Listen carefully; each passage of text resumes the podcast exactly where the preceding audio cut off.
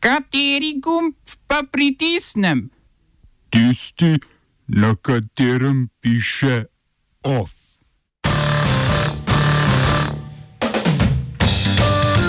Grški parlament ratificiral dogovor o morski meji z Egiptom. Izraelsko vrhovno sodišče obsodilo naselje Mitspe Kramin za nelegalno. Odstopljeni malijski predsednik Ibrahim Bubakar Keita izpuščen iz ujetništva. Vrhovno sodišče zavrnilo revizijo postopka proti nekdanjim upravnikom Probanke. V kulturnih novicah naravnost iz Izole, kino Otok.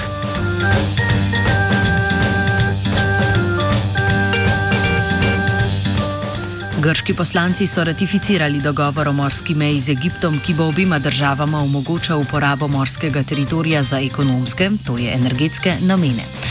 Kot kaže, so izbrali odločilen trenutek za zaostritev odnosov s Turčijo, ki je ravno napovedala začetek črpanja zemljskih plinov na območju, ki ga obravnava dogovor med Grčijo in Egiptom. Pravna podlaga za turško početje je podoben dogovor o morski meji z Libijo, ki so ga sprejeli novembra lani. Verjetno ni treba povdarjati, da se ekonomski pomorski coni med Egiptom in Grčijo ter Turčijo in Libijo prekrivata, eni pa drugo označujejo za nezakonito.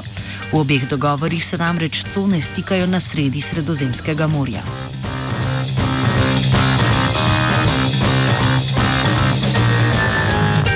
Izraelsko vrhovno sodišče je razsodilo, da je judovsko naselje Mitspe Kramin na okupiranem zahodnem bregu reke Jordan, ki ga sestavlja okoli 50 stavb, nelegalno. S tem so ovrgli odločitev Jeruzalemskega okrožnega sodišča iz leta 2017, ki pravi, da ob podelitvi zemljišč izraelskim državljanom ni bilo znano, da gre za privatno palestinsko last, torej je bila naselitev izvedena v dobri veri. Vrhovno sodišče je sicer potrdilo, da so naselja na okupiranem območju, ki so vzpostavljena v dobri veri, legalna, a dotično naselje pač ni. V razsodbi se torej skriva mehanizem, ki bo omogočil legalizacijo okoli tisoč izraelskih bivalnih enot na okupiranem palestinskem območju. S približno 40 izraelskimi družinami, ki se bodo morale v naslednjih 36 mesecih izseliti iz okupiranega območja, sočustvuje tudi premijer Izraela Benjamin Bibi Netanjahu, ki zagotavlja, da bo storil vse, kar je v njegovi moči, da do preselitve ne pride.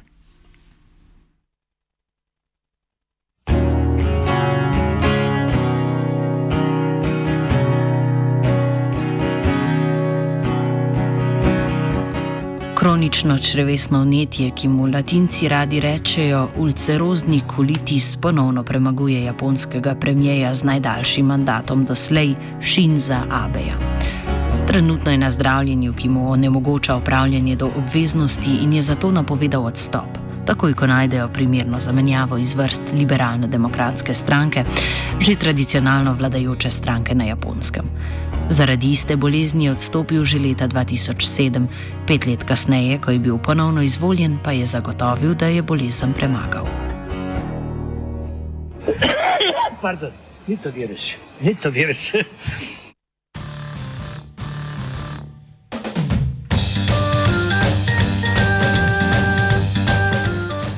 Nacionalna komisija za rešitev ljudstva ali pa domača organizacija, ki je z vojaškim udarom prejšnji torek dosegla odstop malijskega predsednika Ibrahima Bubaraka Kejte, je na socialnih omrežjih sporočila, da so predsednika izpustili iz ujetništva. Po njihovih besedah naj bi bil odstopljeni predsednik premeščen v svoje domovanje.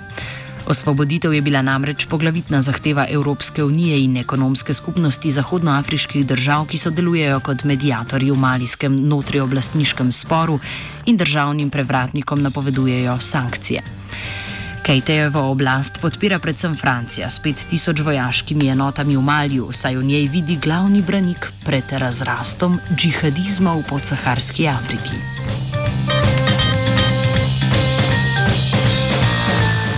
Nekdani deželi svobode, enakosti in bratstva, danes zgolj Franciji, bodo letos ptice pevke svobodne kot ptice na veji. Predsednik Emmanuel Macron je namreč po sestanku z okoljsko ministrico Barbaro Pompili in predsednikom Lovske zveze William Schranom za letos suspendiral lovljenje kosov in drozgov z lepilom. Gre za tehniko lovljenja ptic, ki jo v Evropski uniji uporabljajo le še v petih okrožjih okolici Nice in Marseja.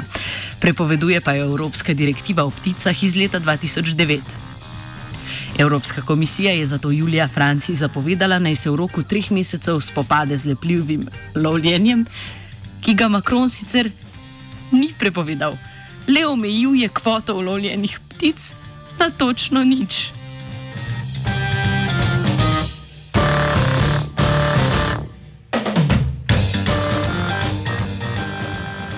Oba, če, če bom odgovoril na angliški. Slovenija will try to help. We can Slovenija will and we will do our utmost To say that the situation is our problem ourselves. and uh, We will make further steps as soon as the conditions are bomo vlado Marjana Cererja, Mira, Marjana Cererja Šarca podprli. uh, very, very serious. we know how and we will. Svetniki občine Radenci so skoraj soglasno podprli referendumsko pobudo o preimenovanju Titove ceste. Župan in samo inicijativni raziskovalec slovenskih kraških jam in osla, ostalih rovov Roman Leljak je seveda napovedal, da bo pobudo vložil na presojo ustavnega sodišča, saj je prepričan, da je predvideno vprašanje v neskladju z zakonodajo. Preimenovanje, ki so ga občinski svetniki sicer sprejeli konec maja, je ustavno sodišče zadržalo do razrešitve referendumske problematike. Če Leljakova proti pobuda na ustavnem sodišču ne uspe, se bo referendum o preimenovanju Titove ceste, ki ga bo, do, ki ga bo pospremilo še pet drugih referendumskih vprašanj, odvil 25. oktobra.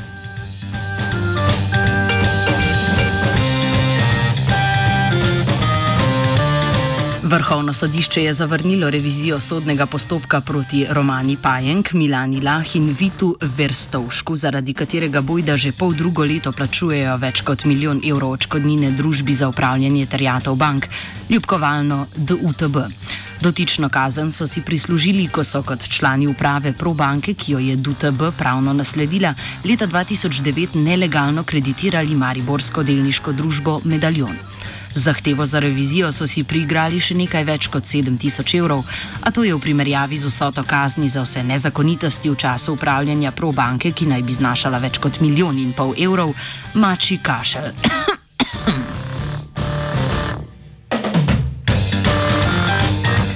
Vremenske razmere tekočih afer.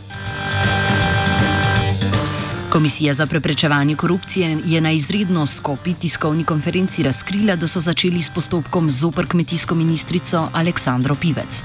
Večkrat so ponovili, da je to največ, kar lahko povedo. Več od tega pač ne morejo razkriti. Ko bo postopek dopuščal, pa bodo javnosti razkrili več informacij. Žvižgač pri koritu Ivan Gale je že drugič kazensko ovadil ministra za gospodarski razvoj in tehnologijo zdravka Počivalška zaradi nečednosti in nezakonitih dejanj pri državni nabavi zaščitne opreme za obvladovanje epidemije. Komisija za nadzor obveščevalnih in varnostnih služb, ki sliši na ime KNOS pod vodstvom poslanca Dejana Židana, je na Nacionalnem preiskovalnem uradu opravila nadzor vpliva notranjega ministra Aleša Hojsa na zakonito delo policije. V Rožni dolini megleno s pretežno jasnimi prebliski aktualno-politične redakcije. Žarek upanja je skozi karavanke posijal na prebivalce Koroške in Bele krajine. Metaforično, seveda, do pravega sončnega žarka iz Avstrijske na slovensko Koroško bo moralo preteči še nekaj kolpe. Kljub vsemu pa so se tri leta od, od poteka razpisa začela dela na slovenski strani bodočega predora karavanke, kjer se bo začela vzpostavljati zelo glasna in opevana tretja razvojna os.